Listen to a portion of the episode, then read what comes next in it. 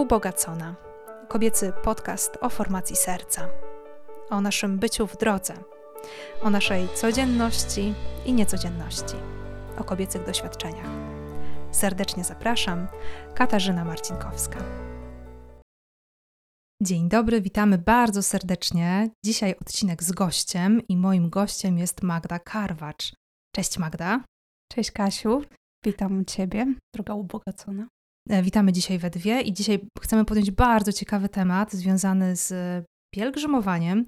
I no nie, nie miałam, powiem Ci Magda szczerze, żadnego dylematu, kogo zaprosić do tego tematu, a nawet mi się zrymowało, bo wiedziałam, że będziesz osobą y, bardzo, y, bardzo dobrą ten temat. Ale zanim przejdziemy do tematu pielgrzymowania, to chciałabym Cię poprosić, żebyś powiedziała o sobie kilka słów. Cześć, jestem Magda, przyjechałam z Wołomina.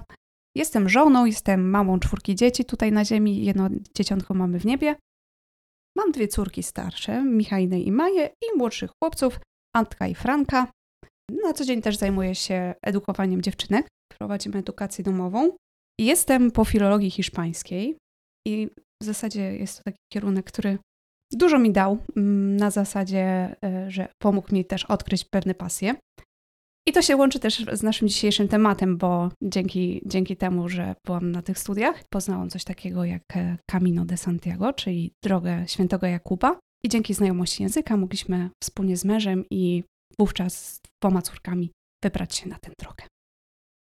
Dzięki Magda. Magda też jest jedną oczywiście z ubogaconych w naszym gronie takich osób bardzo zaangażowanych, także Magda nie pierwszy raz pojawi się tutaj na antenie, tak już mamy to ustalone. Jest wiele tematów, które chcemy poruszyć, ale dzisiaj zaczynamy od tego pielgrzymkowego, który ukazuje się w sezonie letnim, bo pielgrzymki nam się kojarzą z latem. Magda, to prawda, że tak bardziej tak. z latem, z wakacjami? Zdecydowanie, przynajmniej mi. Kiedyś jedna z ubogaconych animatorek zapytała mnie, czy jest jakaś taka data w moim życiu, która jest dla mnie jakaś taka ważna. Jakiś taki dzień w roku, który mogłabym powiedzieć, że jest taki wyjątkowy. ja wtedy nie umiałam odpowiedzieć na to pytanie, ale później długo się nad tym zastanawiałam i wracało to do mnie i sobie pomyślałam, tak, jest taki właśnie dzień w roku, kiedy po prostu wiem, co będę robiła. I jest to 5 sierpnia, jak sobie myślę 5 sierpnia, no to wiadomo, jadę do Warszawy na ulicę Ostrobramską do kościoła. Tam o godzinie 7 jest msza święta, a o godzinie 8.15 wyrusza nasza pielgrzymka, z którą jestem całym sercem mocno związana i nie wyobrażam sobie po prostu roku, kiedy miałoby mnie tam nie być. Magda, to jest e, niesamowite. Powiedz mi, czy był taki rok, że, że cię tam nie było jednak? Bo wiesz, czwórka dzieci, tak? To jak to jest? Dałaś radę zawsze, czy? Mm, odkąd zaczęłam chodzić, a było to w roku 1992, e, to od tamtego czasu e, był tylko jeden taki rok, kiedy się tam nie pojawiliśmy. I był to rok e, pandemii, kiedy po prostu pielgrzymka oficjalnie nie wyruszyła. Wówczas podjęliśmy decyzję z moim mężem, że zorganizujemy swoją prywatną pielgrzymkę ale nie zrobiliśmy pełnej trasy, takiej jaką idzie ta nasza pielgrzymka, tylko e, skróciliśmy ją sobie trochę, ponieważ ja wiedziałam, że już jestem na początku ciąży z naszym najmłodszym synem. I, no i czuliśmy, że po prostu to nie byłoby zbyt odpowiedzialne robić taki długi dystans, bo nasza pielgrzymka ma ponad 300 km, więc ją sobie skróciliśmy od, o połowę. Pojechaliśmy do Studzianny, tam jest sanktuarium świętej rodziny, tam się przenocowaliśmy i rano ruszyliśmy właśnie na szlak i to nie był akurat wtedy 5 sierpnia, tylko 6 sierpnia ruszyliśmy, więc mieliśmy takie krótsze dystanse, ponieważ sobie to rozłożyliśmy na 8 dni wędrówki i na spokojnie udało nam się dotrzeć na Jasną Górę. No ja jestem pod wrażeniem, Magda, i e, jakby ja trochę Cię znam już i od tej strony, ale chyba nie zdawałam sobie sprawy, że, że to właściwie całe Twoje życie e, tak wygląda. No bo ten, ta pierwsza pielgrzymka, 92 rok, to tutaj też dodajmy, że wychodziłaś z rodzicami.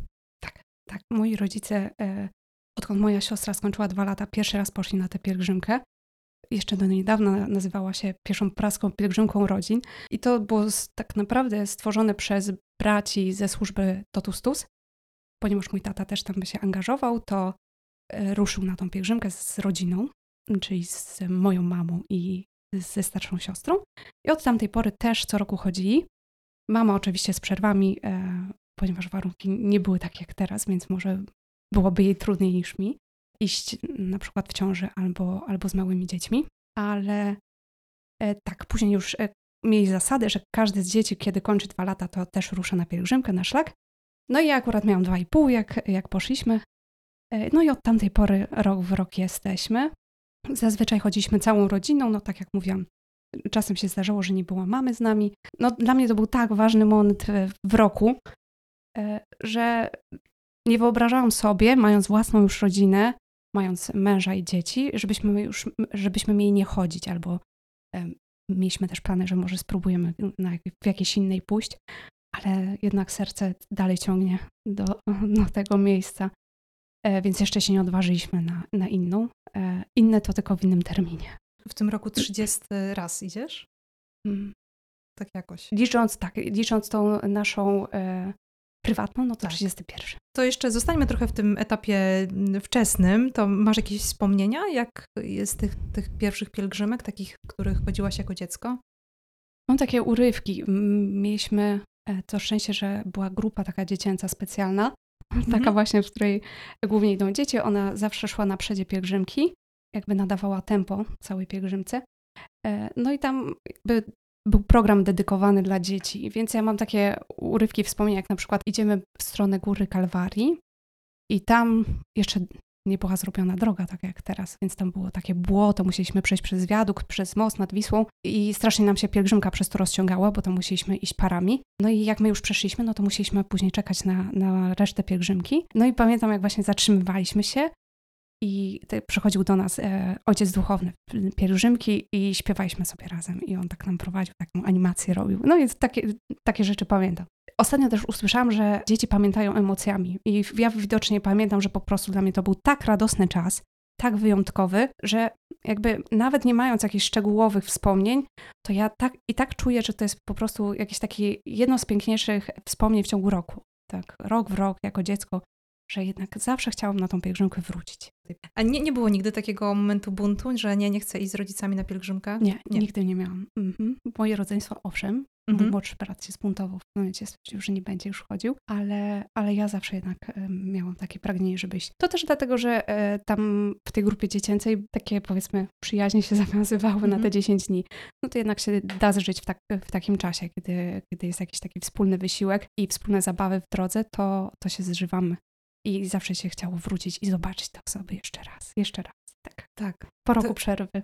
Mhm, a to jest, y, ostatnio był podcast o relacjach między niewiastami i to jest nawet ta kwestia doświadczenia, bo ja przyznam, byłam na pielgrzymce do Częstochowy dwa razy w życiu, e, w czasach panieńskich i dwukrotnie szłam z moimi koleżankami czy przyjaciółkami i no mam takie doświadczenie, że to jest tak, takie doświadczenie, takie mocne doświadczenie też fizyczne, że no, bardzo się poznałyśmy w tym czasie. Mm. Pamiętam, że z jedną koleżanką tośmy się bardzo pokłóciły, gdzie nam się wydawało to no, niemożliwe pewnie, ale jednak te warunki, jakieś takie nasze różne potrzeby, to, to było też takie i konfliktowe, i takie też oczyszczające bardzo, bardzo piękne, ale że to jest takie wspólne doświadczenie, które, e, które bardzo umacnia. Także chyba możemy też polecić e, dziewczynom, żeby pomyślały o pielgrzymkach razem. Tak, tak, właśnie poruszyłaś temat, który też chciałam właśnie zwrócić na to uwagę, że dlaczego w ogóle ja lubię pielgrzymować z moją rodziną.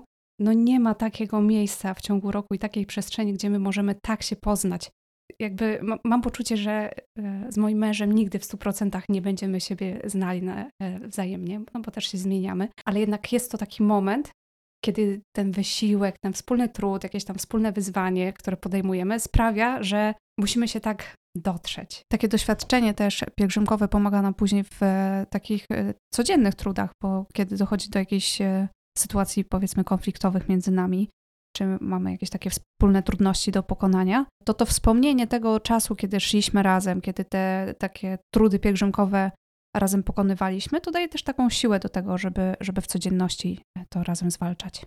Czyli możemy powiedzieć, że dla każdej relacji, i relacji małżeńskiej, i relacji między niewiastami, i relacji z dziećmi, taka pielgrzymka jest doświadczeniem, które umacnia, które też pozwala poznać siebie nawzajem, ale pewnie też jest tak, że można poznawać siebie. Siebie samą, tak. To jest takie e, doświadczenie, kiedy możemy zobaczyć, jakie są nasze granice, a nawet zobaczyć, że może jesteśmy w stanie je, je pokonać. Ja mimo tego, że mam to doświadczenie wielu lat pielgrzymowania, mimo że tych kilometrów w nogach jest sporo zrobionych, to i tak mam poczucie, że to jest takie na nowo patrzenie i doświadczenie tego, ile w stanie jestem chociażby przejść pod kątem takiej formy fizycznej, że to zmęczenie przychodzi taki kryzys zmęczenia e, już, już drugiego dnia, kiedy ciężko nawet nogę do góry podnieść, a jednak kolejnego dnia się wstaje, no i idę dalej. Czyli i, i, takie odkrywanie swoich słabości, ale też odkrywanie tego, jak wiele potrafię. Tak, tej, tej mocy, która, mhm. która w nas jest. Jedna. Tak, a druga rzecz to jest, ja patrzę na siebie tak na co dzień, że często łatwo mi jest oczekiwać czegoś od innych, wymagać od innych, a pielgrzymka to jest właśnie taki moment, kiedy widząc e, no tak naprawdę ile trudu to kosztuje często, tak mam poczucie, że to ja powinnam teraz dać od siebie. Wiem, że mi jest ciężko, ale też zdaję sobie sprawę, że i mojemu mężowi, który pcha wózek, e, ciężki tak naprawdę, nie? Bo mhm. sama przyczepka swoje waży, w przyczepce dwoje lub troje dzieci i zamiast oczekiwać, że może on teraz mi w czymś pomoże, albo na postoju to on pobiega za dzieckiem, to jest taki moment, kiedy to ja chcę pomóc. I jakby właśnie i na pielgrzymce przychodzi to łatwiej. Może to jest właśnie łaska takich rekolekcji, że łatwiej jest, łatwiej przychodzi takie wychodzenie z siebie i pozbywanie się siebie dla, dla dobra drugiej osoby.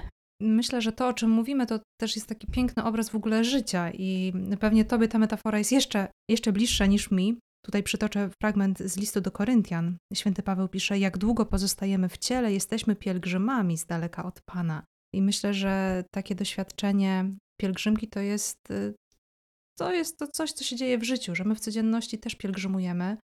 Mamy konkretny cel, konkretne miejsce, ale sama droga jest ważna i, i też doświadczamy, może nie aż tak y, intensywnie na co dzień, ale jednak w różnych momentach różnie. Też i trudu, i, i różnych spotkań, i, i, takich rzeczy, które, które na pielgrzymce są jakoś tak zintensyfikowane, takie mocniejsze. Nie?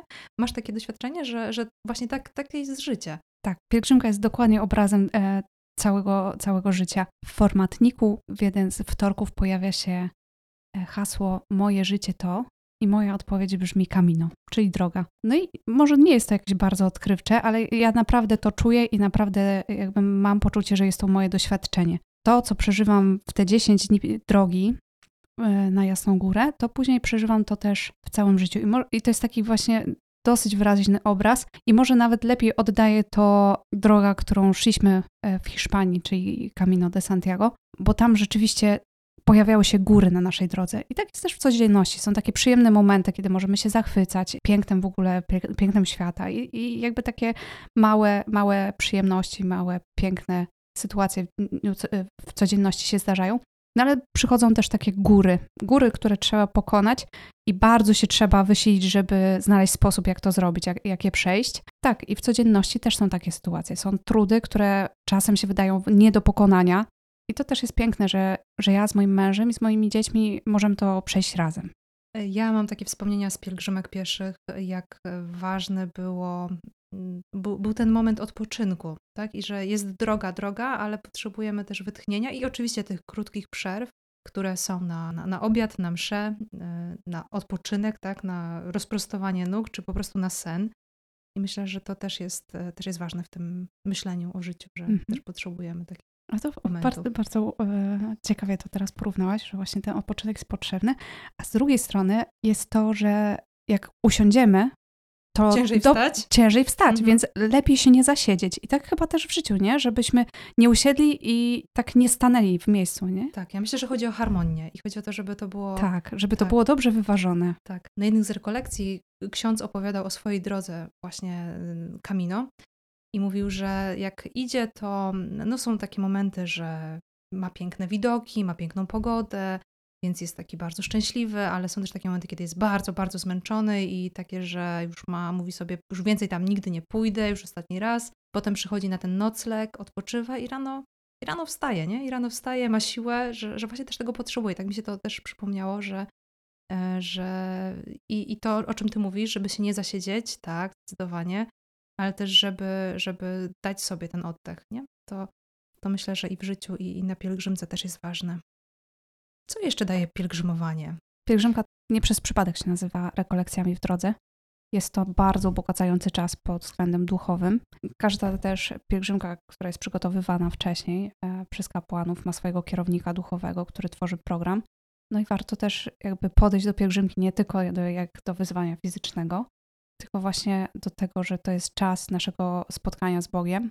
Jestem świeżo po rekolekcjach i takie właśnie mam doświadczenie, że jakbym się nie nastawiała wcześniej, kogo nie spotkam e, na rekolekcjach, i właśnie tu też mówię o pielgrzymce, to zawsze Pan Bóg działa, bo jakby jest to czas poświęcony Jemu i On zawsze będzie działał. Czy się nastawimy dobrze, czy się nastawimy źle, to jak tylko otworzymy Mu serce, to, e, to On działa. I takie jest moje doświadczenie też pielgrzymkowe, że czasem działa właśnie w słowie, które, które głosi kapłan, czasem działa w drugim człowieku.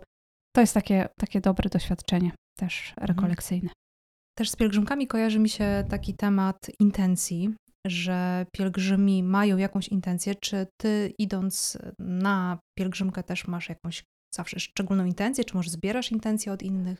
Myślę, że będąc młodsza, raczej to były moje osobiste intencje. Z czasem, jak już tak bardziej świadomie też podchodziłam do tego przygotowania duchowego, to staram się też zwracać uwagę na to, co, co mówią nam gospodarze. Często oni sami proszą modlitwę, czasem z rozmów wynika, e, że warto, warto jakoś im ten swój trud e, drogi właśnie ofiarować w ich konkretnych intencjach.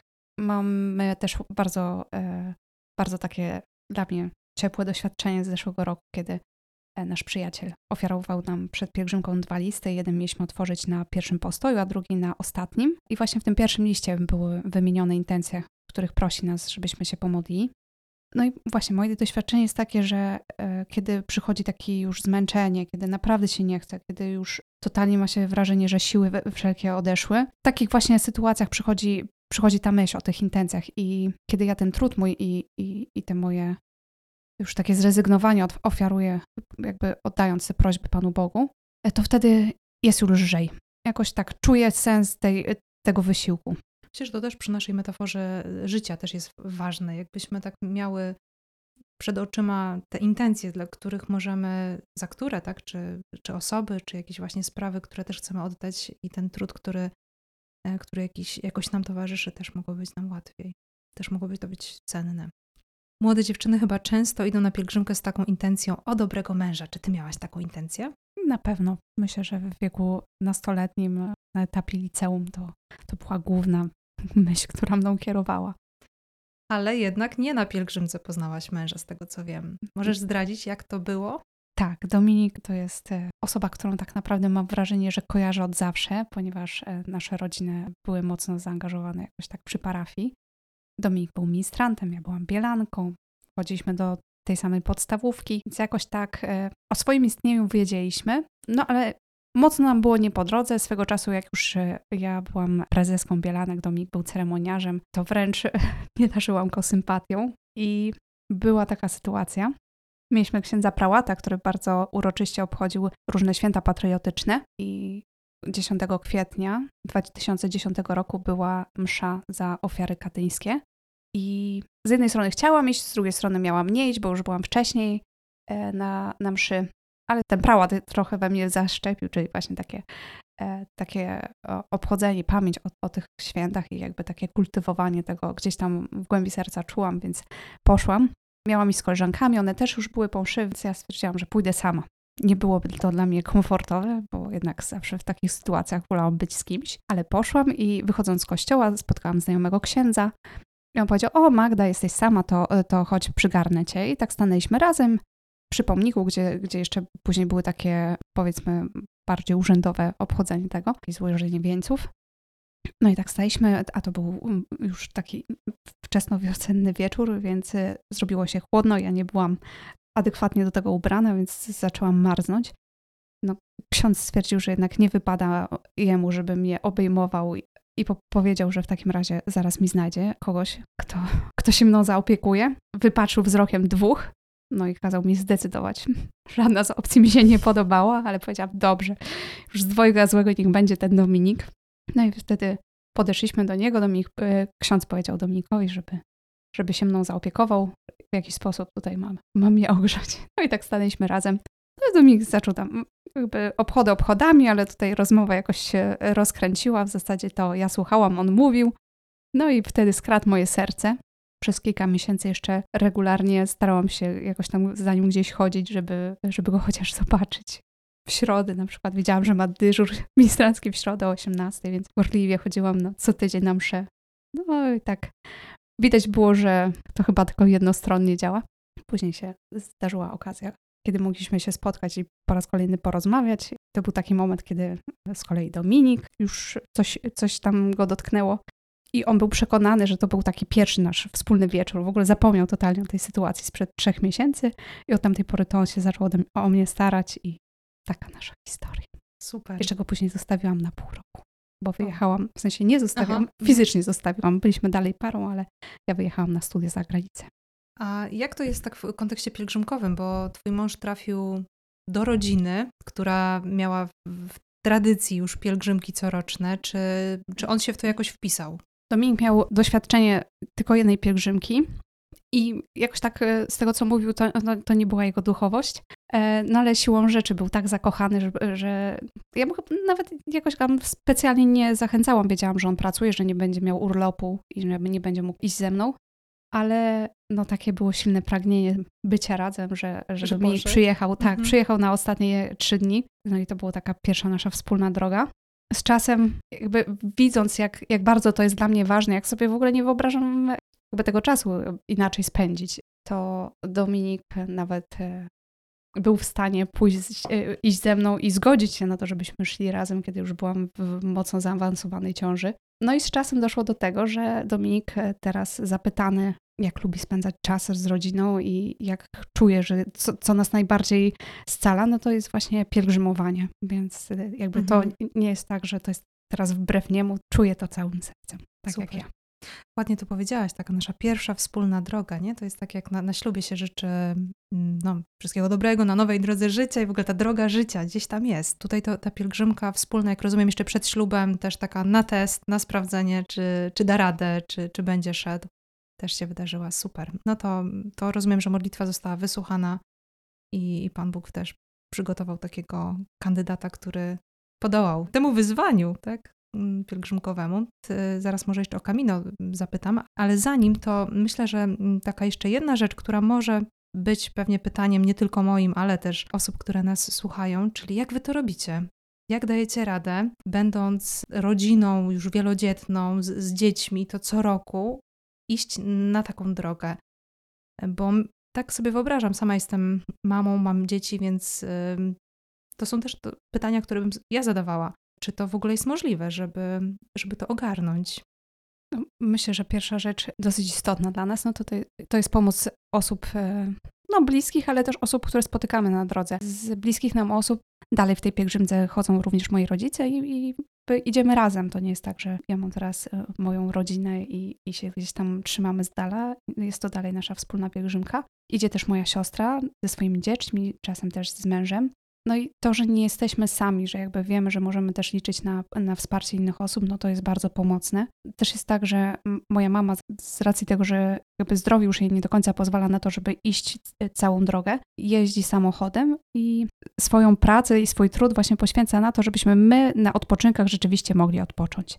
I to Mhm. jest ten jej trud pielgrzymowania, bo jakby zdaję sobie sprawę, że to, to też jest jakieś takie wyzwanie. To nie jest tak, że przejedzie ten kawałek, nie przeszła, to, to na pewno jest jej łatwiej. Właśnie tak jak wspomniałam, ja, ja też będąc w ciąży, no to wiadomo, że nie szłam e, całej trasy, tak, też zdarzało mi się dosyć sporo podjeżdżać. I jakby widziałam, ile to, to jest e, jakby też poświęcenie, żeby znaleźć miejsce, przygotować, wszystko rozłożyć, tutaj kalimaty, tutaj podać jedzenie, tutaj porozglądać się za dziećmi, żeby właśnie, żeby ktoś inny mógł w tym czasie odpocząć. Więc to też jest naprawdę ogromny trud i jak się idzie, no to ten czas może się trochę dłuży, no ale jak już się jest w aucie i, i to czekanie na pielgrzymów, to jakby tak mija dużo szybciej, więc to też nie jest tak, że, że można sobie usiąść i, i, i tak sobie po prostu siedzieć i odpoczywać i że pielgrzymka z samochodem to, to nie jest pielgrzymka. Jakby ja, ja widzę, ile, ile też moją mamę to, to wysiłku kosztuje. Kolejna e, rzecz, no to co wspomniałam, osoby, które spotykamy na drodze. Mój mąż właśnie kilka razy, kiedy nie mógł iść całą drogę z nami,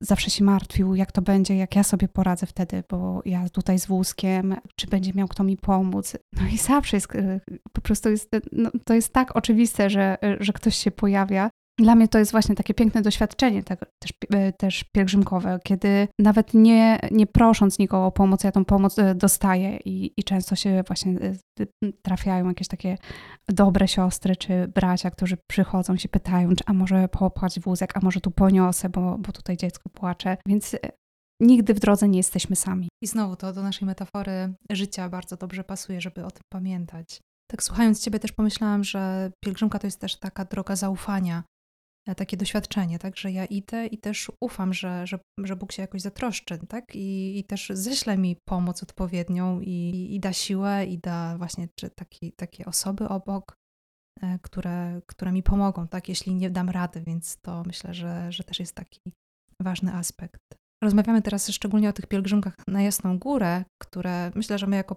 Polacy też kojarzymy, tak? bo, bo ten sierpień jest taki pielgrzymkowy i też zazwyczaj ktoś gdzieś tam ze znajomych czy z rodziny był albo będzie, więc, więc kojarzymy e, temat, ale też wspomniałaś o kaminie. Jakbyś mogła powiedzieć trochę więcej, co to jest i jakie jest Wasze doświadczenie, jak się tam znaleźliście? Myślę, że teraz już droga świętego Jakuba, czyli tak jak Kasia powiedziała, Camino de Santiago, robi się dosyć popularny, więc myślę, że mm, może słyszałaś już o tym, że, że coś takiego jest. Ja z Camino spotkałam się pierwszy raz na studiach. Pojawiła mi się wtedy taka myśl, że w sumie kiedyś w przyszłości to byłoby ciekawe doświadczenie, może by się udało. I cztery lata temu mm, miałyśmy takie spotkanie z koleżankami, byłyśmy u jednej z koleżanek i, i jakoś tak pojawił się ten wątek, że, że ktoś idzie, a że może ja też bym chciała, no ja też bym chciała i tak e, kilka, kilka właśnie z nas powiedziało, że w sumie tak. Przedstawiłam propozycję mojemu mężowi i tydzień później już mieliśmy kupione bilety. Wybraliśmy trasę, która nazywa się Camino Primitivo. Szliśmy z Oviedo do Santiago, 353 km, więc właśnie wybraliśmy dystans może ja trochę mylnie odczytałam nazwę, sobie pomyślałam, że primitivo to znaczy, że taka prymitywna trasa. Z czasem to się okazało. dla pierwszaków. Tak, tak, tak. Na początek akurat e, dystans podobny jak ten, e, który właśnie pokonujemy e, na pielgrzymce z Warszawy na Jasną Górę. Więc pomyśleliśmy, że tak spokojnie, spokojnie akurat jak, na początek to, to wystarczająco. Tam zrobiliśmy sobie zapas 3-4 dni. No jakby później trochę nam rzeczywistość zweryfikowała nasze wyobrażenia. Okazało się, że, że to nie jest dokładnie taka droga, jak, e, jak jest tutaj e, w Polsce, jak idziemy. Generalnie północ Hiszpanii to, to taki teren mocno górzysty. No i było to, było to bardzo duże wyzwanie. Też Camino to jest no, zupełnie inny rodzaj pielgrzymowania niż ten, który znam e, z tego mojego wieloletniego doświadczenia. Inny, ale no nie mniej piękny, a w pewnych aspektach dużo bardziej pociągający, ponieważ tutaj e, idąc, e, idąc na Jasną Górę mamy wszystko tak naprawdę mamy przygotowane. My po prostu mamy iść, a jednak wybierając się do Santiago, musimy wszystko sobie przygotować sami. Zaczynając od trasy, po bagaż, który musimy nieść sami, też noclegi. No to wszystko tak jakby się składa na takie zupełnie, in, zupełnie inną rzeczywistość znaną do tej pory. To, co jest dla mnie wyjątkowe w Camino, no to to, że idziemy sami i spotykamy tak naprawdę ludzi, czasem tylko przez chwilę gdzieś tam ich miniemy na drodze, uśmiechniemy się tylko do siebie, powiemy buen camino, a czasem są, y, zdarzają się spotkania i nam się właśnie takie zdarzyły, gdzie po kilku takich nieumówionych e, spotkaniach jakoś tak się nagle zbliżamy do siebie. Poznajemy kogoś bliżej. W ogóle trud pielgrzymowania, jak właśnie się dzieli z kimś, to e, to jakoś tak jest dużo większa łatwość wtedy z jakimś tam nawiązaniem kontaktu, bo, bo jakby robimy coś wspólnie, mamy wspólny cel. Też to, co dla mnie było takiego wyjątkowego w tej drodze, to tro, trochę tutaj nawiązując do y, poprzedniego odcinka, który Kasia prowadziła o relacjach między niewiastami. My byliśmy na, na Camino z moim mężem, naszymi dwoma córkami i naszymi dwoma przyjaciółkami. I ja słuchając tego podcastu, tak e, właśnie zwróciłam uwagę na propozycję o wspólnej modlitwie. I dla mnie tak w pierwszej chwili pomyślałam, że to by było bardzo niezręcznie tak się teraz spotkać i, i tak zaproponować, a to może się pomodlimy razem. A właśnie doświadczenie nasze jest takie, że idąc tam wspólnie, to wychodziło tak bardzo naturalnie. No to jest godzina 15, no to chodźmy, odmówmy razem e, koronkę. Też to, co ja bardzo lubię na pielgrzymkach na Jasną Górę, poranne śpiewanie godzinek, wydaje mi się, że też nam się e, zdarzyło wspólnie. Więc ta wspólna modlitwa w drodze to jest piękne, piękne doświadczenie i, i takie, no też bardzo tak zbliża do siebie, bo jednak jak już się wspólnie z kimś modlimy, to mam wrażenie, że to już jest taki wyższy level. Tak słuchając o Kamino i tego, jak, jak opowiadasz o tym, pomyślałam, że, że tu jeszcze bardziej ta, ta kwestia zaufania pasuje, nie? Że, że faktycznie tu nie masz zapewnionego postoju, tak, czy jakiejś trasy, tylko to wszystko rzeczywiście jest gdzieś tam kwestią też i, i zaufania i, i takiego Bożego prowadzenia. A czy jest jakieś szczególne wydarzenie, które, które też może jakoś się w to wpisuje, właśnie z tej drogi waszej w Hiszpanii? Dokładnie tak. Właśnie dużo zaufania musieliśmy mieć e, w kwestii niedzielnej mszy świętej. To już nam trochę spędzało sens powiek przed, przed wylotem, bo no jakby zdawaliśmy sobie sprawę, że nie do końca jesteśmy w stanie przewidzieć, w którym momencie będziemy drogi, czy tam, gdzie będziemy, to będzie msza. Jakby idąc na Jasną Górę, mamy to zapewnione, tak? Zaczynamy dzień od mszy świętej i jest to jakby takie naturalne, a tam, tam jednak mieliśmy obawy, że, że nawet w niedzielę może się nie udać. Przy tych moich obawach pojawiła się koleżanka, która powiedziała, że zna ludzi, którzy już e, swoje kamino przeszli i że no, trzeba to oddać Panu Bogu, że jeszcze nie spotkali nikogo, kto, kto by został bez, bez mszy. No i, i tak stwierdziliśmy, że jakby nie pozostaje nam nic innego, po prostu musimy zaufać. Ruszyliśmy we wtorek bodajże i już na drugi dzień na obiedzie spotkaliśmy e, takiego Hiszpana, on, w sumie to nawet nie wiedzieliśmy, że on też e, idzie drogą. My akurat kończyliśmy obiad, tam przed, przed tą knajpą e, stała, stał właśnie nasz wózek, więc on tak zobaczył nas i, taki był mocno w szoku, co my tu robimy z dziećmi. Ale no, tak go jakoś to zachwyciło, że, że zrobił sobie z nami zdjęcie. Później się okazało właśnie już na noclegu go spotkaliśmy drugi raz, że on, że on też idzie. No i tak e, spotykaliśmy go co nocleg, bo tam wiadomo, jakby droga jest indywidualna, więc każdy wstaje o, o której chce i idzie jak chce, ile chce, więc jakby to, że my kogoś spotkamy raz, nie znaczy, że spotkamy go jeszcze powtórnie.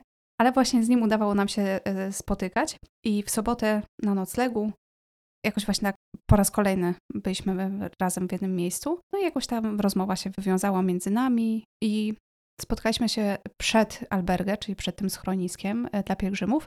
I on chyba y, szukał jakiejś gospodyni i usłyszałam, że pyta o kościół, czy, czy w tym kościele jest możliwość odprawić mszę. Podsłuchując trochę tę rozmowę, będąc obok, zrozumiałam, że on jest księdzem. Jakby nie zdawaliśmy sobie wcześniej z tego sprawy. Więc w ogóle mówię do, do tej naszej ekipy, że to ksiądz, że w ogóle chyba się nam uda, w ogóle bez problemu z mszą. Później się okazało, że jednak no nie do końca się uda, bo y, kościół, który, który był w tej mm, miejscowości jest zamknięty, tam się pojawia raz na miesiąc, ale to też nie jest jakaś reguła, że, że pojawia się ksiądz, więc no, nawet nie ma naczyń liturgicznych jakby możliwości, żeby tam mszę odprawić, nawet jeśli by ktoś nas puścił do tego kościoła. Więc on powiedział, że w takim razie, wiedząc, że kościół na następnym nocegu będzie otwarty, no to on powiedział, że on tam odprawi mszę wieczorem, ale akurat to był dzień, czyli niedziela, kiedy trasa się rozdzielała na dwie opcje była jedna krótsza, tylko trudniejsza, która prowadziła przez góry i dłuższa przez dolinę, tam około 12 kilometrów, gdzie właśnie, gdzie nam z wózkiem byłoby łatwiej przejść. No i on powiedział, że w takim razie pewnie się nie spotkamy na tym noclegu, że przeprasza, że, że jakby taka sytuacja. No ale jakby zrobił wszystko, żeby nam, nam pomóc jakoś, żebyśmy tak nie zostali z niczym. No i dowiedział się, że właśnie w miejscowości 20 kilometrów oddalonej od tego noclegu, na którym właśnie byliśmy, o godzinie 12 będzie msza. Trochę nas to przeraziło, bo jednak 20 kilometrów zrobić do godziny 12, no to było wyzwanie, no ale podjęliśmy je, bo jakby wychodziło na to, że to będzie jedyna możliwość. No i ruszyliśmy tam około 4 rano, udało nam się na 12 dojść. Zdążyliśmy na mszę, jeszcze taki dodatkowy mieliśmy bonus w postaci tego, że na koniec mszy po hiszpańsku zaśpiewa, była zaśpiewana barka, więc to też takie wzruszenie, bo taki polski akcent gdzieś tam, jak już się jest kilka dni poza, poza domem, to, no to tak wzrusza. No i ostatecznie tam po mszy wróci, y, ruszyliśmy dalej w drogę. Droga się okazała bardzo, bardzo wymagająca. Był to najtrudniejszy dzień. Pod wieczór doszliśmy do schroniska.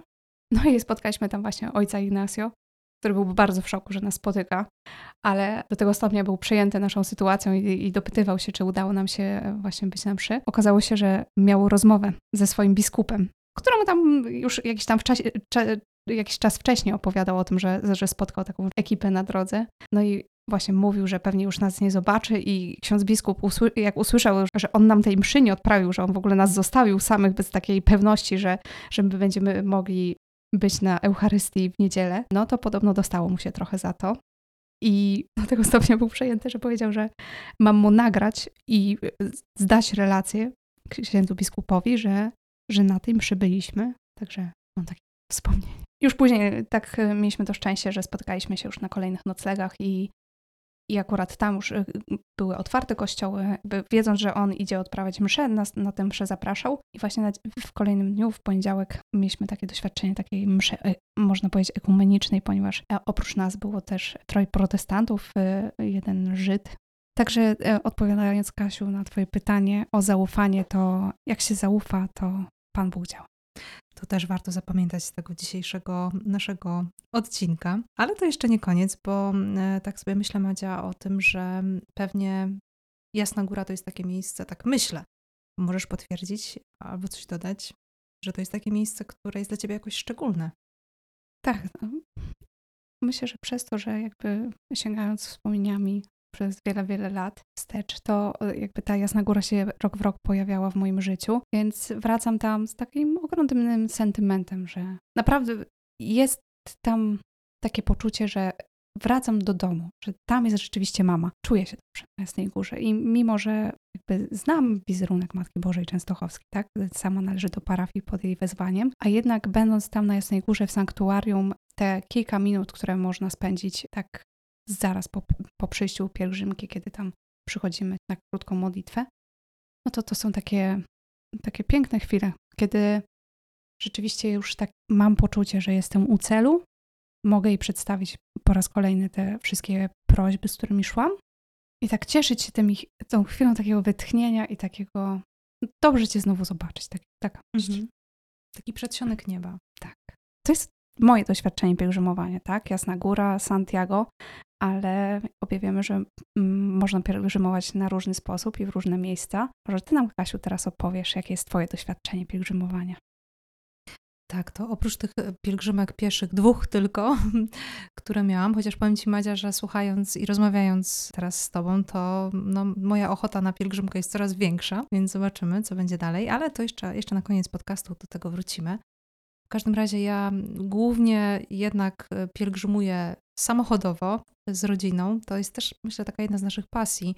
Trochę, trochę wynikła z takiej też mojej pasji do przemierzania szlaków, głównie świętych, świętych kobiet, też to dodam. E, także byliśmy rodzinnie na przykład na takiej pielgrzymce przez Niemcy, tam, tam się zatrzymaliśmy u świętej Hildegardy, przez Francję, gdzie szliśmy szlakami świętej Tereski i jej mamy Zeli, e, no i taty Ludwika. No i później do, do Włoch, tam gdzie, gdzie są ślady też świętej Joanny Beretty Moli. E, także dużo takich miejsc związanych ze świętymi i ja powiem szczerze, że dla mnie to są takie chyba najważniejsze miejsca pielgrzymkowe. Takie, które lubię odwiedzać, bo to są miejsca, które mi przypominają, że, że te kobiety, które dzisiaj są nazywane świętymi czy błogosławionymi, które są dla mnie wzorem, które są dla mnie też często przyjaciółkami też niebiańskimi, to, to że one naprawdę żyły, że one naprawdę były na tej ziemi, kiedy zwiedzam sobie dom, w którym mieszkała Teresa, czy chodzę ulicami, którymi ona chodziła, to, to, to mi tak jakoś bardzo pomaga też zobaczyć taką codzienność, taką zwykłość też tych kobiet, Także chyba nawet bardziej od, od sanktuariów y, maryjnych y, lubię takie miejsca, które, które są związane ze świętymi. I, no i mamy taką rzeczywiście też frajdę rodzinną, jak to można tak powiedzieć, że, że też razem jakoś tego doświadczamy, też staramy się dzieci y, uczyć właśnie o, o świętych. I no i tak, tak, tak właśnie też pielgrzymować. No to powiem Ci, że ja Akurat teraz przerabiam program Ubogacona na drodze do świętości i to jest właśnie program ze świętymi kobietami i powiem Ci, że budzi się we mnie też takie pragnienie, żeby, żeby te niektóre chociaż miejsca też e, nawiedzić, zobaczyć jak to jest, zwłaszcza, że, że te kobiety rzeczywiście stają się bliższe, idąc, poznając je tak e, bliżej e, w programie. Tak, rodzi się takie pragnienie, żeby być w tych miejscach, gdzie one były, więc hmm. rozumiem Twoją pasję, tak, pielgrzymowanie w tym miejscu. Super. Ja myślę, że też program też pomaga tak trochę no, popielgrzymować z nimi, nawet jeśli nie możemy być fizycznie w, prawda, w takich miejscach jak, jak dom czy, czy grup konkretnej świętej, to, to fajnie jest no też gdzieś mieć taką świadomość, że, że w ogóle my w naszej drodze, to może jeszcze jakiś będzie osobny podcast o tym, ale że w ogóle my w naszej drodze no, nie jesteśmy same, bo, nie, bo jesteśmy z innymi ludźmi, e, tak jak to nam pielgrzymka pokazuje, ale też, że są z nami, z nami święci, święte. Fajnie, kiedy mamy tego świadomość, kiedy też świadomie je e, zapraszamy jakoś do naszego życia. Także, także myślę, że to jest też bardzo ciekawy temat. Pamiętam na przykład, jak bardzo poruszyła mnie zwyczajność miasteczka Joanny Beretty Moli, która jest przecież, myślę, w Polsce bardzo znana i bardzo lubiana. Jako święta taka bardzo nam współczesna, taka nowoczesna też, nie? Taka, taka zwyczajna. I, i pamiętam, jak, jak byliśmy właśnie przy jej grobie, e, takim, mają grobowiec rodzinny, taki malutki cmentarzyk w małym miasteczku, w ogóle taka cisza, nie, nie ma jakichś tłumów, nie ma jakichś pielgrzymów, nie wiadomo ilu. Tak sobie myślałam, że to, to jest taka, taka naprawdę zwykła, mała, mała włoska e, mieścina, w której, w której żyła kobieta, która, która teraz inspiruje tak wiele, wiele ludzi, wiele kobiet, do której tak wiele osób e, też się zwraca z różnymi prośbami i, i to mnie tak bardzo urzeka, że to jest tak, takie zwyczajne. Tak myślę sobie, że te nasze drogi też są takie zwyczajne i, i że to jest wszystko też takie dobre. Na jednej z naklejek jest takie hasło: Świętość jest dla każdego. I to właśnie chyba jeszcze bardziej pokazuje, nie? Tak. Nie, że tak. jakiś taki, wiesz, Watykan, nie? Tylko takie małe miasteczko. Tak, takie małe, to chyba Messero się nazywało, bo tam były dwa właśnie w jednym też byliśmy w mieście, gdzie ona się urodziła, gdzie, gdzie miała chrzest, ale też później takie miasteczko, gdzie pracowała i gdzie jest pochowana. Tak, także to tak, taka mieścineczka malutka. Także takie nasze marki, czy Wołomin, to nie musi być Warszawa, czy Watykan, jak mówisz, tak? I miałam tak, dokładnie taką myśl, ten grobowiec właśnie rodziny Molów jest taki dosyć duży, znaczy łatwo go zauważyć, tak? Ale tak pamiętam, miałam taką myśl, jak się tak odwróciłam, że, że pewnie tutaj w tych grobach też y, są pochowani, pochowani małżonkowie, którzy są święci, tak? którzy są gdzieś też bardzo blisko Pana Boga. No ale wiadomo, że Kościół nie, nie, nie o wszystkich mówi i, i, to jest naturalne, nie dałoby się o wszystkich. To, była taka dobra myśl, że, y, że tych ludzi jest y, więcej, nie? Wspomniałyśmy już tutaj, że mamy różne możliwości pielgrzymowania, tak? Pielgrzymowanie piesze, tak jak ty wspomniałaś, Kasiu, można dojeżdżać samochodem, czy są takie większe zorganizowane autokarowe mhm. pielgrzymki, mm. ale istnieje jeszcze coś takiego jak pielgrzymowanie duchowe i teraz w trakcie, kiedy trwają, myślę, że jest teraz sporo pielgrzymek, które zdążają do Częstochowy i jeśli na przykład e, tobie, droga ubogacona słuchaczko, nie udało się na przykład w tym roku pójść, czy czy w ogóle może jeszcze nie czujesz się na siłach, żeby, żeby wyruszyć w taką pieszą wędrówkę? Istnieje możliwość e, właśnie tego pielgrzymowania duchowego. Wiele parafii organizuje takie wieczorne modlitwy wspólne, czy wspólny apel, właśnie takie łączenie się duchowe z pielgrzymami. To jest taka nasza pielgrzymka e, duchowa, ale też to jest wsparcie dla tych, którzy idą. Również istnieje możliwość zaczerpnięcia rozważań. Każda pielgrzymka ma swój duchowy program, ma swoje rozważania, wcześniej przygotowane przez e, kierowników duchowych pielgrzymki. Można skorzystać z takich rozważań, one e, albo na stronach pielgrzymek, e, czasem też w aplikacjach udostępnia pielgrzymkę aplikacje, gdzie można takie rozważania znaleźć. To też jest jakiś taki trud, bo, bo może pracujesz, nie możesz iść. Czy... Też wiem, że są osoby, które fizycznie nie mogą teraz, tak? a kiedyś mogły, więc też jest to dla nich trudne, bo bardzo by chciały. Ja pamiętam zawsze, jak moja mama opowiadała że była na, tych, była na tej pierwszej pielgrzymce chyba ze cztery czy pięć razy, tak rok po roku. I potem mówi, że jak przychodził sierpień, to już jej tam w uszach po prostu brzmiały pieśni pielgrzymkowe, że bardzo chciała iść, nie? Że coś takiego zostaje, a to była tylko cztery razy. Tylko i aż. Tylko i aż, dokładnie. Tak, więc y, zachęcamy. Zachęcamy do tego, żeby, żeby duchowo się włączyć w takie pielgrzymowanie. Tak, no i też mieć taką chyba świadomość, bo to mamy nadzieję, że oprócz takiej zachęty, żeby pielgrzymować, też e, może zostanie trochę takich myśli, że, że to nasze życie jest pielgrzymką i dzięki pielgrzymkom takim pieszym, czy, czy po prostu takim zorganizowanym, jakimś konkretnym na dany czas, też tego doświadczamy jeszcze mocniej, ale, ale że, też, e, że też, no właśnie, pielgrzymujemy po prostu. I ważny jest oczywiście cel, trzeba mieć go przed oczyma, nie stracić, a jednak y, sama droga jest też ważna i to, to myślę, że pielgrzymka też pokazuje. No i my tak z Magdą tutaj możemy zdradzić, że myślimy o tym, żeby Was, y, kochane ubogacone, zaprosić na szlak. Może nie taki długi, nie takie kamino, jeszcze nie teraz, ale na jakiś trochę krótszy. No i zastanawiamy się, czy są chętne. Myślę, że to będzie też taki, takie do, nowe doświadczenie chyba dla każdej z nas, bo będziemy pielgrzymować tylko w kobiecym gronie. Też to będzie taka, tak jak Kasia wspomniała, raczej taka krótka trasa, więc y, dla tych, które jeszcze nigdy nie szły pieszo na pielgrzymce, mogą, mogą sprawdzić swoje siły. Może właśnie to będzie taka motywacja, żeby, żeby ruszyć. Także więcej szczegółów niebawem, jak już będą, będą określone dokładnie, ale czekamy na Wasze głosy. Daj znać, kochana słuchaczko, czy, czy chciałabyś na taką drogę z nami pójść, a może masz jakieś konkretne miejsce, do którego chciałabyś pielgrzymować, to też napisz. Bardzo chętnie poczytamy różne propozycje i będziemy, będziemy coś pewnie planować, a jak już zaplanujemy, to będziemy dawać znać. Magdo, bardzo Ci dziękuję za tę dzisiejszą rozmowę. Ja tu zdradzę na koniec, że my ją nagrywamy drugi raz, bo no właśnie, bo trochę nie wyszło nam pierwszy raz. Znaczy, nagrałyśmy całą godzinę, ale potem się okazało, że się nic prawie nie nagrało. Także to jest też taki trud i za to Ci jeszcze bardziej dziękuję. W sensie podwójnie Ci dziękuję, że, że go podjęłaś. E, mam nadzieję, że to będzie też ubogacające dla naszych słuchaczek. I oczywiście czekam na kolejny odcinek z Magdą, Magdą z Tobą, bo mamy jeszcze parę tematów do omówienia, ale to w swoim czasie. Bardzo Ci dziękuję. Ja Tobie dziękuję, Kasiu, za to, że mnie tutaj ugościłaś. Jest mi niezmiernie miło, czuję się wyróżniona. I to dwukrotnie. Podwójnie wyróżniona. Czuję się podwójnie wyróżniona, że mogę, że mogę być i, i tutaj się podzielić moim świadectwem. I Tobie, droga słuchaczko, dziękuję, że chciałaś wysłuchać tego świadectwa. Mam nadzieję, do usłyszenia. Do usłyszenia. Albo do spotkania na szlaku.